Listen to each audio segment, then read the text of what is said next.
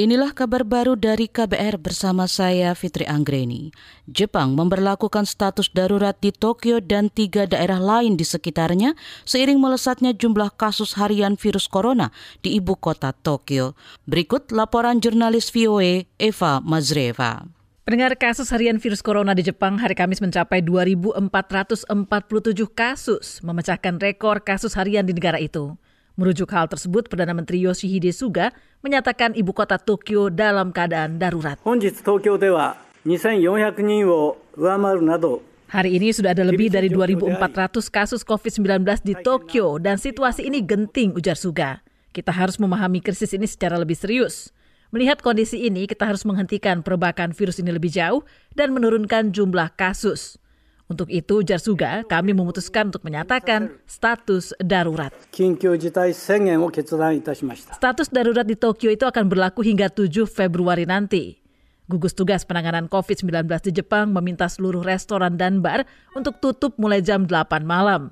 Warga tinggal di rumah dan tidak berkerumun. Saya Fama Reva, VOA, Washington.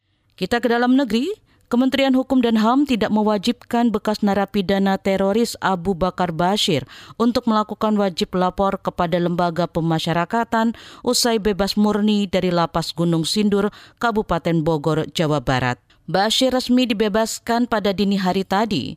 Dilansir dari antara pejabat Direktorat Jenderal Pemasyarakatan, Rika Aprianti menjelaskan setelah bebas murni lembaganya tak lagi mengawasi Abu Bakar Bashir.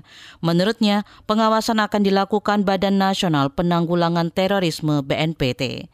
Abu Bakar Bashir merupakan narapidana kasus terorisme. Pada 2011, dia dinyatakan bersalah dan terbukti merencanakan serta menggalang dana untuk pembiayaan pelatihan militer di Aceh. Bashir dijatuhi hukuman 15 tahun penjara dengan remisi 55 bulan atau sekitar empat setengah tahun. Bashir bebas hari ini. Kita bergeser ke Kalimantan Timur, kasus positif COVID-19 kota Balikpapan terus meningkat. Pemerintah kota mencatat seluruh kecamatan telah masuk zona merah. Guna menekan penyebaran virus, Wali Kota Balikpapan Rizal Effendi mengizinkan camat dan lurah mengunci wilayah kelurahan dan membatasi pergerakan masyarakat.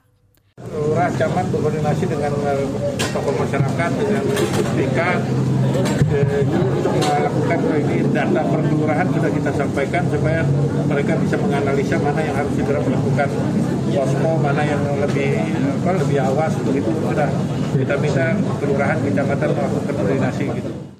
Itu tadi Wali Kota Balikpapan Rizal Effendi. Dalam beberapa hari terakhir kasus positif harian di Kota Balikpapan menyentuh angka di atas ratusan kasus. Secara kumulatif jumlah positif COVID-19 telah mencapai 6.500 kasus dan 280 kasus kematian.